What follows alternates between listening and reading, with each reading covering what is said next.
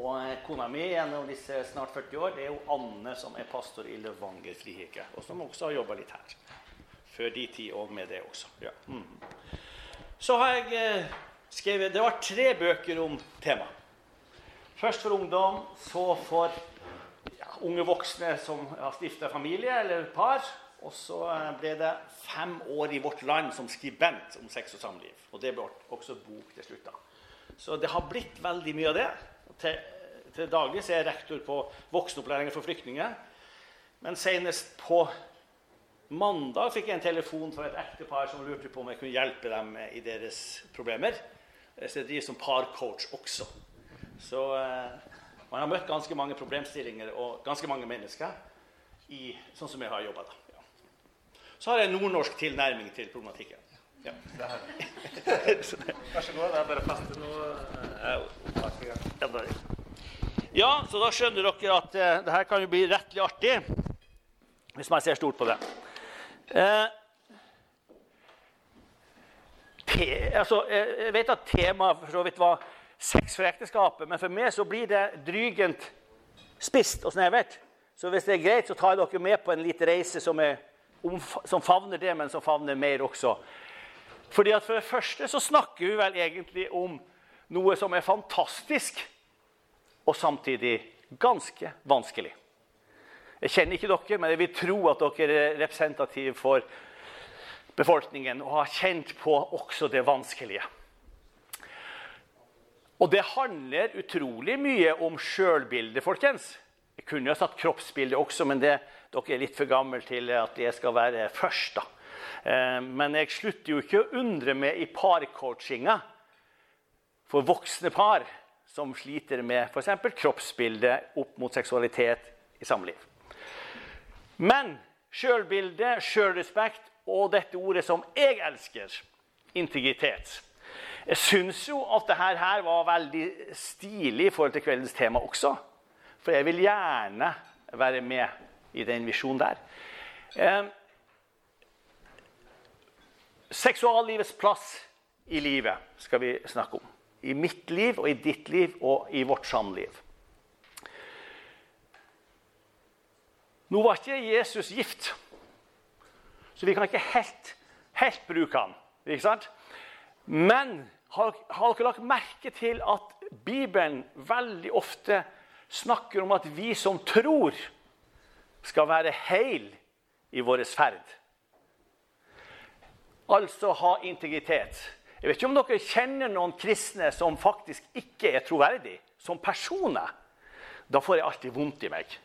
For det er så nydelig å treffe kristne som er likens på talerstolen, på enerom, på fotballbanen, i selskap. Det er nydelig.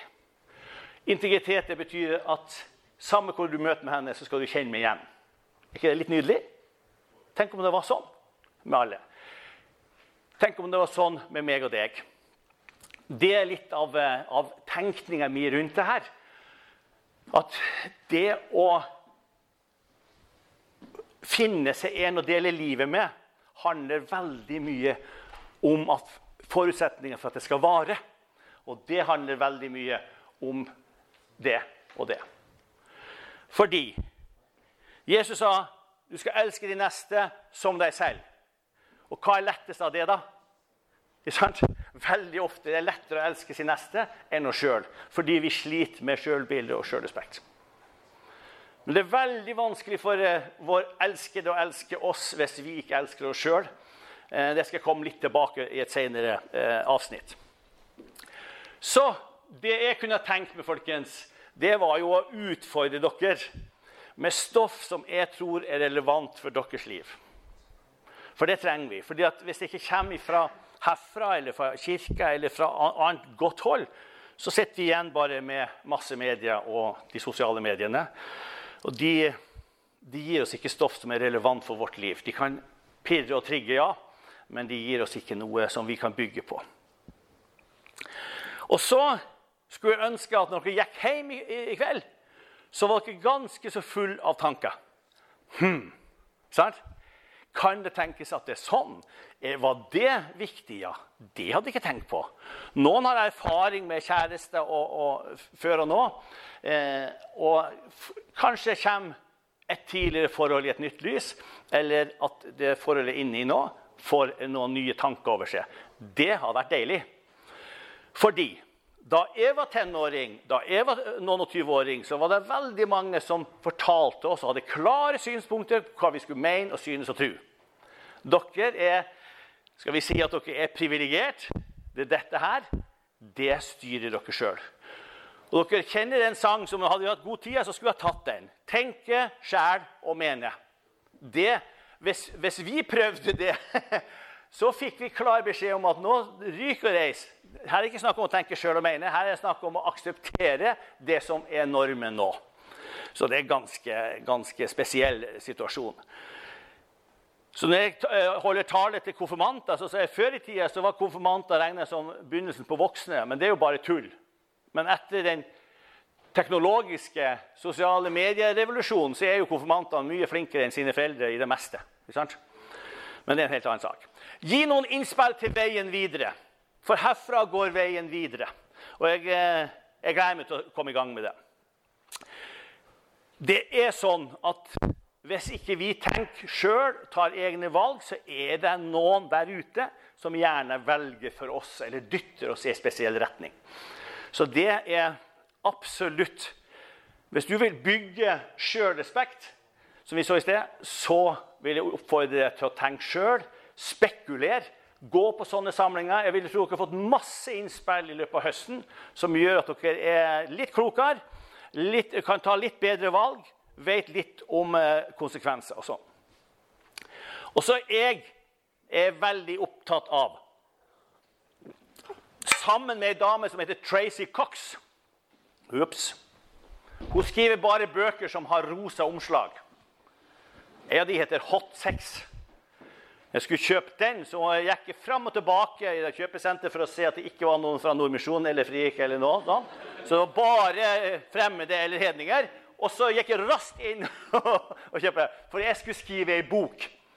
Um, uh, 'Kjærlighet som varer'. Men grunnen til at jeg, jeg gjorde det, vet du hva det var? Hun ga et portrettintervju i Vårt Land, og hun sa hennes intensjon var å skrive og fortelle og holde foredrag for at flest mulig parforhold kunne holde hele livet. Og da tenkte jeg, da, da er vi med. Det vil jeg også. Så det ble et annet perspektiv. Så du måtte jo nesten lese litt av hva hun, eh, hva hun skrev. da. Jeg tror den fortsatt ligger i nattbordet. Jeg tør ikke ta den opp engang. For jeg er ferdig med boka, så det ville være spekulativt om jeg tok den opp igjen. Ja. Men dyktiggjøre seg for livslangt samliv. Det er jo det vi vil. Ikke sant? Det er Jeg har levd så lenge at jeg har hatt samtaler med folk og sier vet du, jeg orker ikke å være gift lenger. Hvordan klinger det? Er det, er det en god, er det en god følelse rundt det? Det er jo helt forferdelig. Det er det. Og så, og så sier jeg jeg får ikke sove, jeg bare gråter. Hva mener du, Torbjørn? Så sier jeg nei, kjære min tid, har du lov til å holde ut hele livet, så gjør det om så du dør av det. Sier det? Kanskje de sa det før, men du får ikke med til å si det. Ikke til min egen datter, iallfall. Eller andre som spør. Når samlivet går på helseløs, da er det noe som er galt. Så Derfor så er det utrolig viktig at vi gjør, dyktiggjør oss for et samliv der vår elskede faktisk liker oss, trives med oss, er glad i oss. For når jeg spør om folk som er ektepar som er i krise, så spør jeg elsker dere hverandre. Hva tror du de svarer? Å ja. Så spør jeg liker dere hverandre. Kommer det noe svar da? Veldig ofte blir det helt stilt. Og da skjønner jeg at her har jeg truffet noe. ikke sant? Det er noe med å like. Og hvem liker vi, folkens, sånn generelt? Jo, vi liker folk vi kan stole på. Vi liker folk vi trives med, som er real, som har integritet. Ikke sant? Det er ikke så kjekt å betro seg til en venninne, og dermed er det på Facebook. Sant? Og da skjønner man at her er noen kvaliteter som et samliv trengs. Vi har ofte snakket om det, Johanne. Så deilig at vi har taushetsplikt. Enten det gjelder sex eller sjelesorg eller gråt eller latter eller turer eller hva som helst. Vi har taushetsplikt. Alternativet er at jeg forteller kameraten min og hun forteller venninna si ting som ikke skal ut. Så det er ganske mange ting, spennende ting, spør du meg, eh, å snakke om.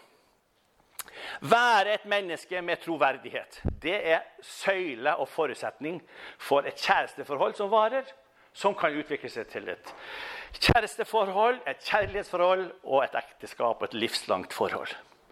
Og hvem tror du er glad for at det varer hele livet? Ja, det er jo ungene og vi. Ikke sant? Og besteforeldre. Og du, hele pakka. Det er sterke ting. Virkelig. Det står om så mye. Og i dag så ryker parene like ofte som de holder. Og hva er grunnen til det? Ja, Det er mange, mange grunner. Men vi vet at eh, noe må på plass før at vi skal kunne få det her til. OK, så det, det hjelper ikke hva jeg sier til dere hvis dere ikke sier ja og amen. Så hvis jeg sier noe, og dere sier ja men inni dere, så er det fordi at dette passer inn i en refleksjon som dere har. Dette vil jeg stå for. For når jeg drar i kveld, så er det deres liv som går videre her i deres liv. Sant? Og, og, og spør spørsmål på arbeidsplassen eller studiestedet. Hva, hva, gjorde dere i går kveld? da? Vi var ute på fest på, onsdag, på puben på onsdag. Og dere, da? Du, da? Nei, jeg bare hørte på en 60-åring snakke om sex. Mm. Da er jo den debatten død. Ja. Ferdig. Ja. Og ellers, da? Ja. Sånn er det. Du, jeg regner med at dere har fulgt med på noen av de reality-seriene som skal få folk til å bli kjempeglad i hverandre. Og det er jo en suksess, da.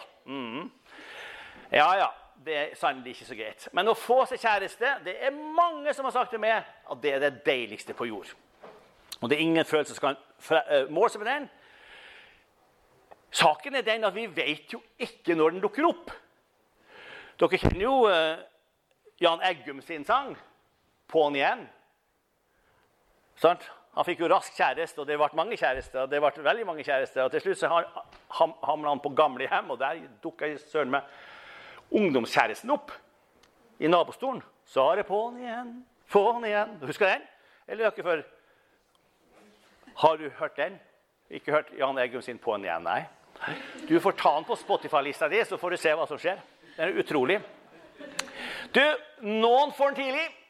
Jeg, skal ikke referere for mye til egne barn, men når du har fem barn, så har du fem forskjellige eh, varianter av det. Og hun hvis det ble slutt, så bare snudde hun seg så ble hun forelska på nytt igjen. Og det er sannelig ikke alle forunt. Eh, mens noen fikk den seinere i livet, noen fikk den tidlig. Sjøl ble jeg kjempeforelska som seksåring. Og du aner ikke hvor fin hun var, hun som jobba på kjøkkenet. Ja. Sånn er det. Og så har jeg en kollega som har en åtteåring, og som har ei venninne som kaller, de kaller for kjæreste. Og de er altså så begeistra for hverandre. Så var han borte et år. Og det var greit. Da kunne hun eventuelt finne sin annen kjæreste. Men så kom han tilbake igjen, og da var hun klar. Sto og venta på han. Ja. Åtte år. Fantastisk. Så dette varer hele livet. Tro meg. Jeg er bare midtveis. jeg kan ikke svare for det. Men min far var 95 da han tok kvelden. Og det virker som at han var til stede. Det er en fantastisk reise i oss sjøl som vi må ta tid til å kjenne på. Fordi den dagen det smeller til med forelskelse så, og, og blir sammen med noen, så oppdager vi nye sider ved oss sjøl. Virkelig. Så det er en reise. Og så er det jo sånn at vi nordlendinger har en ulempe, og det at vi er kanskje litt lite sjenert. Mens trøndere, for ikke å snakke om østerdølere Det var en østerdøl som gifta seg, og han sa, han sa på sølvbryllupsdagen at jeg sa til kjerringa da jeg gifta oss, at jeg var glad i henne, og så skulle hun få beskjed hvis det ble noen endring. det, er ganske, det er ganske bra spenn. Eh, så er det jo spørsmål Hva er den største fordelen, da? Jo, jeg tror at det å være litt sjenert har en større fordel enn noen av oss som kommer brusende på. Eh, for at når jeg traff min kone, så sa hun nei, liksom hatt noen erfaringer som ikke er helt gode. Så ja, men, så, ja, men prøv meg. Jeg er helt annerledes. Ja. Så det var litt det nordnorske. Og heldigvis så slo det inn, så, så det ble veldig greit. da. Men eh, jeg tror at vi skal si at eh, hvis du er for sjenert, så er det ikke en kjeft som skjønner at du er interessert. Og er du eh, for lite sjenert, så er det noen som sier at det var det alvor til, til påtrengende. Vi er så forskjellige, vi menneskene. Men kanskje er det en fordel å nærme seg hverandre langsomt. Så er det selvfølgelig utrolig komplisert å finne noen som gjengjelder dine følelser. Virkelig. Du kan liksom ikke vite helt. Og hvis jeg spør dere er det lett å finne sin partner, ja. Det er nok lett. Særlig hvis man er ute etter noe spesielt. Er det lett å finne seg en kjæreste? Ha, nei, det er sannelig ikke så enkelt. For noen går det raskere og lettere enn andre, men vi er så forskjellige. Men er det lett å finne seg en for livet? Som du vil ha barn med og familie? Nei, det er ikke. Så det må vi snakke litt, om. Men så kunne jeg tenkt meg å gi dere et lite kurs. Vi må få litt fart på dere. ikke sant? Eh, dating er for gammelt til å forstå. Så det, det, får dere gå en annen plass og finne ut. Sjekking er noe drit. Det har jeg ikke noe sans for. Men flørting, folkens, der er jeg god. Så nå skal dere få et flørtekurs. Ja, ja, det starter der. Det starter der. Du, er dere klar? Ja. For det kan komme godt med. Jeg skal snakke med dere senere. Møt blikket til den andre og smil. Der, der fins minimum av sjenanse. Det nytter ikke å stå og sparke i bakken og si at det, det hadde nå vært kjekt med en kino en gang. Så Det er jo ingen som skjønner. Vi skjønner jo ikke saken engang. Ikke sant? Så du må møte blikket med et smil. Hva slags budskap er det, da? 'Jeg liker deg'. Sant? Og det er et kjempeutsagn og et ufarlig utsagn. Men det er jo et minimum av noen som, som, lurer på er det noe her som jeg overhodet har sett min vei. Ikke sant? Så den er viktig. Så til alle nordlendinger glem den der sparke og dunke. som det er. Her snakker vi om diskré berøring. Tro meg. Det er ingenting som er så nydelig dersom han som du har et godt øye til, kommer diskré borti deg. Så tenker jeg han har sett meg. Han har sett meg. Kanskje. Hva vet jeg? Og så skjedde det seinere. Og på jutrefesten så kom han og tilbød seg å gå rundt juletreet hand i hand. Start. Berør den andre diskré. Vis henne oppmerksomhet. Hun elsker det, og det gjør stort sett han også. Eh, fravær av oppmerksomhet. Sønn min, som heter Hans Christian, han sa spor pappa når han gikk på Framnes, hva skal jeg gjøre? Og Du kan jo bekrefte at han fant en dame på Framnes. Ja, så sier det, det, er jo, det er jo fortalt det før. Du må møte blikket og smile, du må komme borti henne litt sånn diskré, og du må vise henne oppmerksomhet positiv. Og plutselig en dag så kommer tekstmelding. Jippi! Jeg har fått meg kjæreste!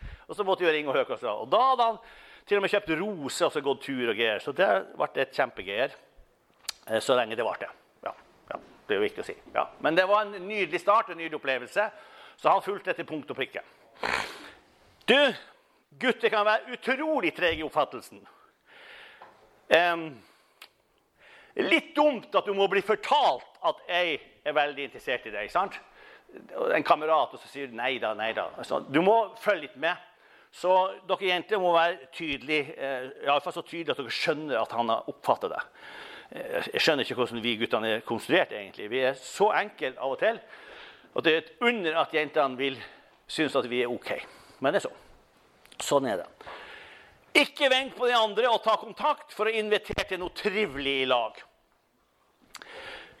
I tillegg til at dette er en, et, et ypperlig oppskrift på flørting som er god, så er faktisk dette en genuin forståelse av velsignelse mellom mennesker. For Hvis du skal velsigne et annet menneske, fra gammeltestamentets tid, så skal du på en eller annen måte berøre, møte blikket og si noe positivt. Så det er Djupt festa i godt stoff. Det er sånn vi kan nærme oss andre mennesker. Og da skjønner dere at det der med dating det har jeg fått ganske mye tilbakemelding på fra de som jeg driver med eh, og snakker med eh, som har skilt eller gått fra hverandre eller oppløst for, forhold. Som prøver seg der, da. Det tar vi ikke nå. Jeg har aldri hatt behov for det, og det var ikke i min tid heller. Jeg er født før Internett. Her har vi muligheten. Vi kan ikke gå rundt og tro at vi skal bli oppdaga sånn uten videre hvis vi ikke hever hodet og møter andres blikk. Det er en forutsetning. Fantastisk. Men da er det oppfattet. Så i pausen så må vi begynne så smått å praktisere litt. Bare litt. Ok?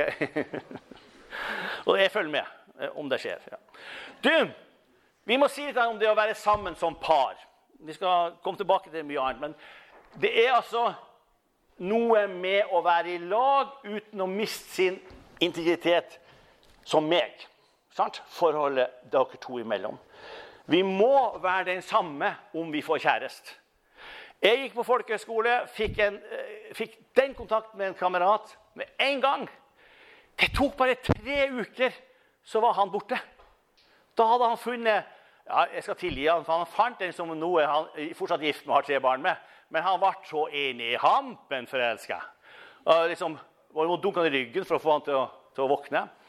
Så han var ikke mye å se. Så på slutten av året da hadde det roa seg litt. da. Men det ble noe veldig bra. Men vi må på en måte eh, være oss sjøl også om vi er i et forhold. Fordi at Ellers kan vi miste hele apparatet rundt oss. ikke sant? Eh, om det skulle skjære seg. Men en gang vi står der etter et brudd, så er, må vi ha noen å snakke med, og som, som virkelig tar imot oss.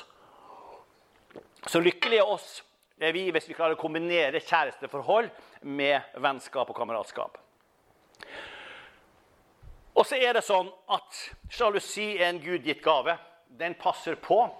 Eh, men det må være på et lavt nivå, for det fins en usunn sjalusi som eh, vi ikke ønsker. Som eh, kan føre til brudd og nedverdigende ting. Men vi skal ha, ta vare på den naturlige sjalusien. Vi skal ikke være naive og dum i, i kjæresteforhold. Vi skal følge litt med og ta vare på hverandre, men minst mulig sjalusi. Så er det ikke uvanlig at vi får par i ubalanse. Det høres kanskje rart å snakke om det, men det er litt for ofte et faktum at det er ikke samme verdi på de to. Og Da, klart, da er det ikke livslang eh, samliv som er utsikten. Det vil jeg ikke si. Eh, går man på, en, på et, et, giftermål her, så vil det bare utvide seg som problem. At den ene er mer verdifull og viktigere enn den andre. Jeg traff ei dame som, eh, som eh, på et sånt kurs. og Hun fortalte om livet sitt og at hun var hjemmeværende. Og mannen var liksom ute og, og tjente penger og hadde det godt. Um, så sa han ta den utdannelse du òg, da. Og det gjorde hun. Og så ble hun en av Oslos fremste meglere på hus. Og håver jo inn penger, for du får x antall prosent av det du selger oppe i Holmenkollåsen. Mm -hmm. Da oppstår problemet. Det endte i samlivsbrudd, fordi han takla overhodet ikke at hun kom opp på siden av han og var i balanse. At de var et likeverdig par. Det var ikke det han så for seg. Så for noen så blir det en trussel hvis, hvis så er. Og vi lever, vi lever, i en tid håper jeg, at hvor likeverdet og likestillingen i følelse, følelse og respekt og anseelse lever i oss. Så er det råskummelt hvis dere har noen venninner eller venner som dere føler at det er skikkelig ubalanse i graden av forelskelse. Sant? Eh, eh, Dattera mi ringte en gang hjem og lurte på, og sa at det var ikke, det var ikke bare greit i forhold, kjæresteforholdet. Så spør jeg på en skala fra 1 til 10 da, hvor forelska er du? Så sier hun i hvert fall en treer. Og da skulle du hørt far. Det nærmest ropte inn i mobiltelefonen. En treer! Det holder ikke. Det holder ikke. Ja, hva skal jeg gjøre, da? Nei, Hvis du ikke kommer deg opp av treeren, så må du gjøre slutt. Så ringte hun uka etterpå og sa jeg har gjort det slutt. Jeg gjorde som du sa. Senere så møttes de igjen, for de var i forskjellige land. Og et år senere så satt vi inne i stua og sa pappa, jeg har vært oppi ni flere ganger. da husker hun den samtalen. ja. Så den ene kan være så opp etter ørene forelska, den andre lite forelska. Og det er en skummel eh, ubalanse i et parforhold. Så har vi et parforhold hvor den ene forplikter seg å ta ansvar for parets utvikling. Det andre gjør det ikke. Det er også en skummel sak med tanke på å gifte seg, for barn. Vi kan ikke leve i, i 2020, 21, 22 og 25 og videre med familie hvor bare den ene drar og tar ansvar, mens den andre ikke gjør det. Og det er en del av skilsmisseårsakene, tro meg. Rett og slett. Som jeg sitter med opplysninger om for parcoaching. Så kommer vi til det her. Du må huske at Jeg har vært på 40-årsjubileum på Folkehøgskolen. Og der hadde jeg en kjæreste. Det varte bare litt over en måned. Ehm, men etter 40 år så tenkte jeg skal jeg ta mot til med å spørre hvordan, hvordan var jeg som kjæreste, og hvordan ble det der bruddet mellom oss. Livredd. Men etter 40 år så må du kunne spørre om det. Så liksom, jeg sier til konfirmantene jeg snakker med, dem, Har dere hørt om 50-årskonfirmanter? Da snakker vi om hvordan det var. Og tenk om noen sier til deg du var altså en gjennomført drittsekk. Det er litt av et minne. Sant?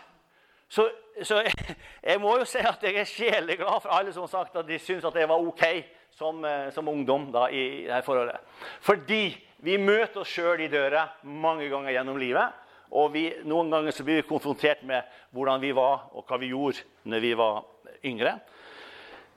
Det er helt utrolig hvordan folk møtes i FAU eller barnehagestyret eller i menighet eller hva som helst. Vi møtes. Vi møtes. Så det er, det er fantastisk hvis vi kan tenke at jeg vil være en real fyr. En real dame. Jeg vil være et troverdig menneske. Da står du det hele livet. Og I forhold til det som sies om det å være kristen og det å være, og det å være, være en Jesu etterfølger, handler veldig mye om sannhet, trofasthet, helhet. Vær da også dere he hel, som det står. Så er det et problem som ikke er holdbar på sikt. At man er i den enes virkelighet. Hennes virkelighet eller i hans virkelighet eller i hver sin virkelighet som, uh, som ektepar, så vil dere jo ende opp med den frasen 'Vi har vokst fra hverandre'. Ja, når begynte vi å vokse fra hverandre? Ikke sant? Eh, jeg og, og, og, andre vi har ikke så mye til felles, men vi har en del til felles, og det dyrker vi. Og så, og så vi, har vi klare valg på når vi er hver for oss, og når vi er sammen. Da. Fordi at det er jo dette som kan bygge en fremtid. Eh, felles virkelighet skapt av begge to i kjæresteforholdet, i parforholdet. Da begynner man å bygge et fundament for kjærlighet og samliv.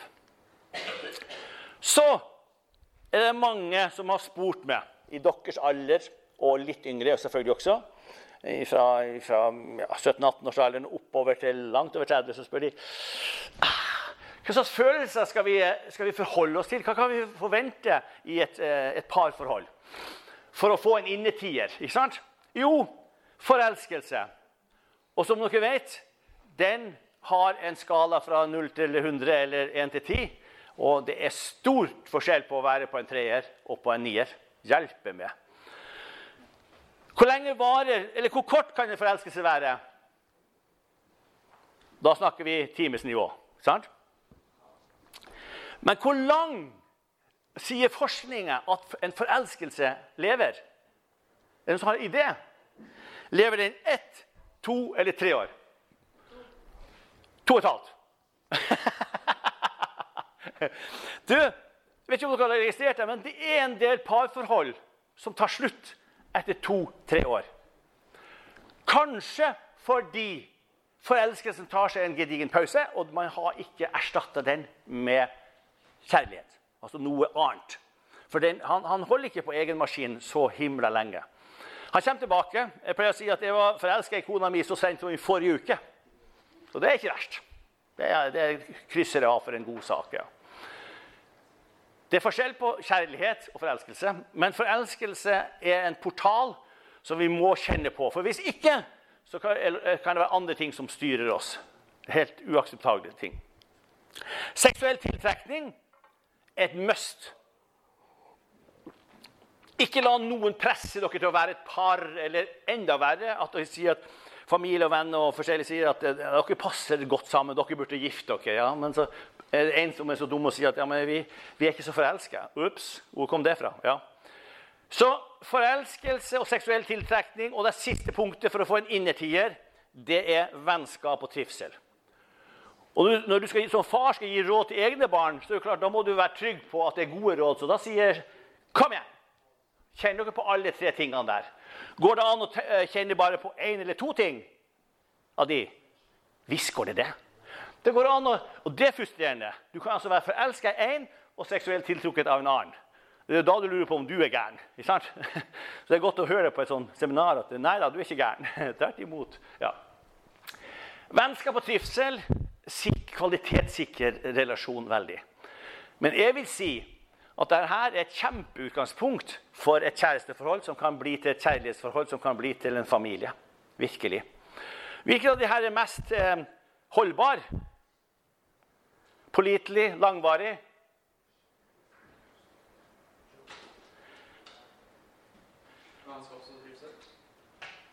Ja. Eller Det ligger i kortene. Det ligger i luften. Kjenner du, først, kjenner du, på seksuell tiltrekning til et annet menneske, så er det viser å være veldig stabilt. Og det er sånn at Du kan møte et flott menneske, og du kjenner ikke på noen ting. Og så snur du deg, og så bare Hva skjedde nå? Så dette her er jo livets mysterium. Men vennskap varer hvis vi tar vare på det. Ikke sant? Eh, seksuell tiltrekning har en tendens til å leve sitt eget liv. Skal komme tilbake til. Så det er en ganske sånn eh, bra eh, vare levert fra vår Herre sjøl. Forelskelse er en lunefull venn. Men eh, han kommer tilbake hvis det ellers er greit. Men det er nok den første som backer av hvis det blir lite OK atferd og holdninger. Brudd på taushetsplikten osv. Vet du, når jeg skrev boka, så var det ei jeg sittende med en toppsjef i et firma i Norge. Hun lurer på hva jeg har gjort. Jeg har vært på en boklansering. Jeg har hvilken bok da? Så måtte nesten, ja, ok da. Ja, hva er viktigst i et parforhold? da? Så sa jeg gjensidig beundring. Og den samtalen ble kort. Hun lurte på om hun kunne få kjøpe boka, om jeg hadde, det hadde i bagen. Og så sa hun nå må jeg hjem og spekulere på hva jeg beundrer mannen min for. For når du sa det, så kom ikke noe opp. Så hun har rett og slett eh, slutta å beundre sin mann, eller ikke var klar over det i hele tatt. Men da, hvis vi ikke beundrer hverandre, da er vi allerede i en, eh, en fase som kan ende svært dårlig. Omsorg er veldig viktig at vi tar vare på hverandre. I forholdet, i ekteskapet. At, det, at man er trygg. Og da er det trist å snakke med tidligere elever som sier vet du, jeg, jeg, går og tenker på at Hvis jeg og, eller ungene mine blir skikkelig syke, så er jeg ikke så sikker på om mannen tar vare på oss. Og Det er jo en fryktelig tanke. at ikke det er. Så det må vises og det må dyrkes og holdes fram hele tida. Også i kjærestefasen. Ikke sant? Så vil alle gjerne bli respektert. Det handler jo om eh, erfaring med den andre. Men du verden så godt å kjenne på eh, respekt for den bakgrunnen vi har for grenser og personlighet. Vi er jo så forskjellige. Det er helt nydelig. Men respekt, respekt, er ikke et bestillingsverk, det er et resultat av det vi lever. Og da er det klart Fortell meg, du, hvilke av disse kvalitetene du kunne tenkt deg å gifte deg på. Altså, Hvilke kan du tenke deg å kutte ut og så allikevel gifte deg? Sant? Vil dere eh, ok, Drit i vennskapet, det er ikke så nøye. Forelskelse, seksuell tiltrekning. Vet du, Jeg håper dere tenker jeg vil ha hele pakka. Hæ? For dette er liv laga. Med tanke på et langt liv i den verden som vi lever i. og de ungene som kommer, og som håper at mamma og pappa er glad i hverandre når de vokser opp. For når passer det for et barn at foreldrene skiller seg? Aldri.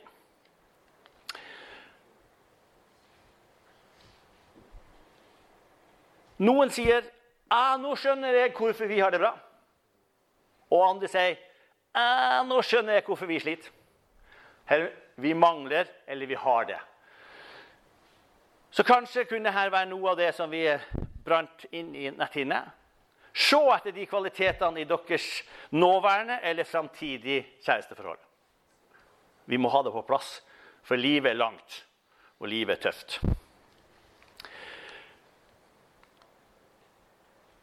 Fordi når forelskelsen tar seg en pause, så må kjærligheten være på plass. Hvis det er det vi ønsker for vårt forhold. Eller så kan vi bare digge eh, forelskelsen og la, gi et inntrykk av at den er, den er, på en måte kjærlighet. Det er mange som tror det. Den flytter sammen, eh, gifter seg på bakgrunn av forelskelse. Uten å skikkelig kjenne hverandre. Men her ser dere at kjærlighet handler mye om de kvaliteter vi snakker om, opplevelsen av å være elsket, overbærenhet, kommunikasjon, masse ting som dere kjenner til.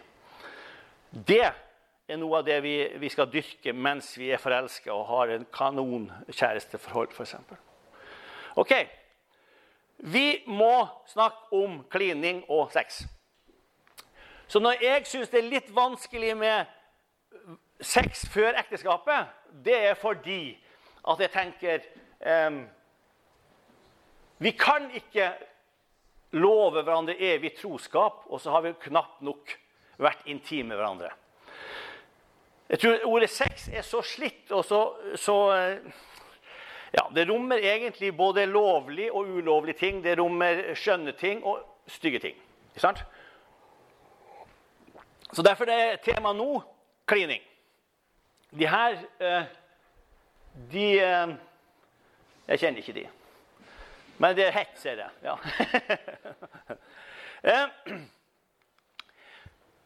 Jeg syns det er nyttig å snakke om den, glo, den gode klininga. Det er en deilighet i seg sjøl, ikke et forspill til samleie. Og da er vi inne på noe. Fordi det har vært lang tradisjon for at, at, eh, at det er skummelt med følelsene. Du må huske at når jeg vokste opp, så fikk vi beskjed om at å kyss og ta på hverandre, det var som å sette utenfor Holmenkollen. Akkurat. Og nå hopper de med V-stil. Da skjønte vi jo at hvis vi ble heit i toppen her, så var det ingen vei tilbake. Maken til veiledning, spør du meg. Hvis, hvis, hvis en SMS hadde klikka inn i lomma mens jeg klinte med dama, tror du jeg hadde sagt 'Hører ikke den, aner ikke hva det er'? Selvfølgelig. Du hadde tatt opp mobilen og sjekka den, og så hadde du kyssa videre etterpå.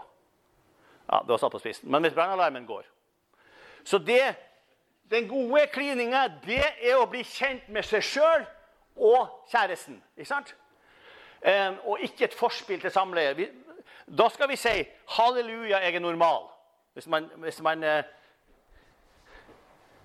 hvis man kjenner på at uh, Mm, det her var fantastisk. Ja, det er fantastisk. Det, vi er jo skapt av vår Herre. Har dere tenkt dere at vi var skapt uten seksualitet? Da lurer jeg på hvor mange barn vi har hatt.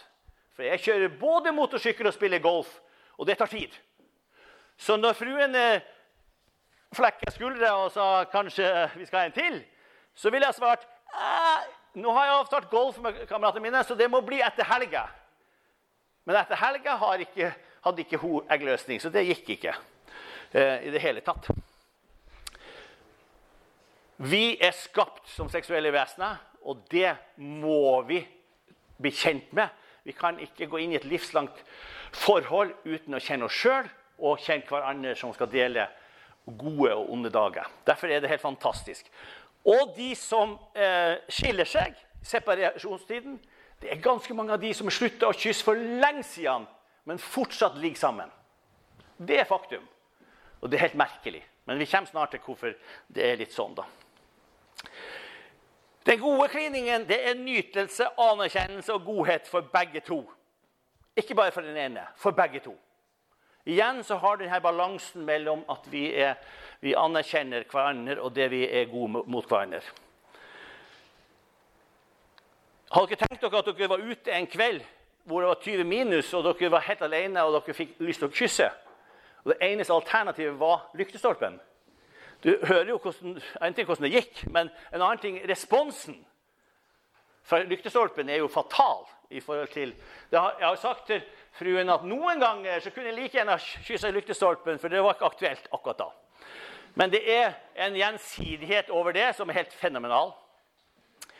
Og til forskjell litt fra det som har med samleie å gjøre, så er gode berøringer Det dekker enormt mange av våre behov. Og det produserer endorfiner i bøtter og spann.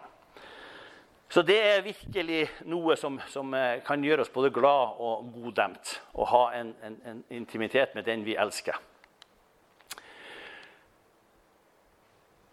De som lever av å selge sex, de selger ikke kyss. Kanskje visste dere det, men sånn er det. For de sier at det er altfor intimt. Det reserverer for mitt liv. Så det er litt spesielt.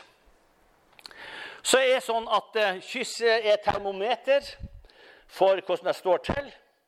Og et barometer, folkens. Er det noen som vet hva et barometer er? Ja, Speidere vet jeg. Ja, Og sier litt om, uh, om det uvær i vente eller ikke. Eller om det er solskjær. Sol, solskinn. Unnskyld. Så det å bevare den intimiteten Gjennom kjæresteforholdet, gjennom inngåelse ekteskap, gjennom småbarnsperioden, gjennom livet. Fantastisk. Fordi det betyr at vi enda er åpne for hverandre. Ei dame på 35 sa nå er det over halvannet år siden at jeg og mannen min hadde sex med øyekontakt. Det er ikke bra. Eller med annen kjærtegn, sa hun også. Ja. Hvis det er noe som utfordrer oss, så er det det her. Ikke sant? For det trigger også kjønnsdriften i tillegg til forelskelsen, i tillegg til begeistringen, i tillegg for alt tiltrekningen vi kjenner på. vi, blir utfordra, hele oss. Og det handler om å være seg bevisst og gjøre noe valg, og hvem jeg er, og hvem jeg vil bli oppfatta sånn nå og seinere i livet. Så det er ganske spennende å tørre å nærme seg den man lurer på har jeg funnet den ene som jeg vil, eh, vil dele livet mitt med. Så skal vi bare ta kort før pausen. Kjønnsdriften. Makan. Når jeg er på sånne landbruksskole, det er ganske artig å snakke om det her, så da er de med. Sant? Dette kan hende. Men du, heldigvis så har vi ikke Altså, vi har det felles med dyrene. Og den driver oss til samleie og forplantning. Det gjør det. Ikke sant? Eh, vi er jo så heldige at vi slipper løpetida. Det, det er jeg veldig glad for. Absolutt. Eh, men det er kjønnshormonene sin vesen. testosteronet bobler. Samtidig så er det Vår Herres kvalitetssikringssystem til at det fins folk på jorda, bli mange og oppfylle jorda. Han visste hva han gjorde eh, da han eh, satte dette i sving. Fordi at slekten skulle føres videre. Og den der, den er pålitelig. Det kan jeg love dem. Egentlig så lever jo kjønnsdriften sitt eget liv. Av og til så dukker han opp helt feil.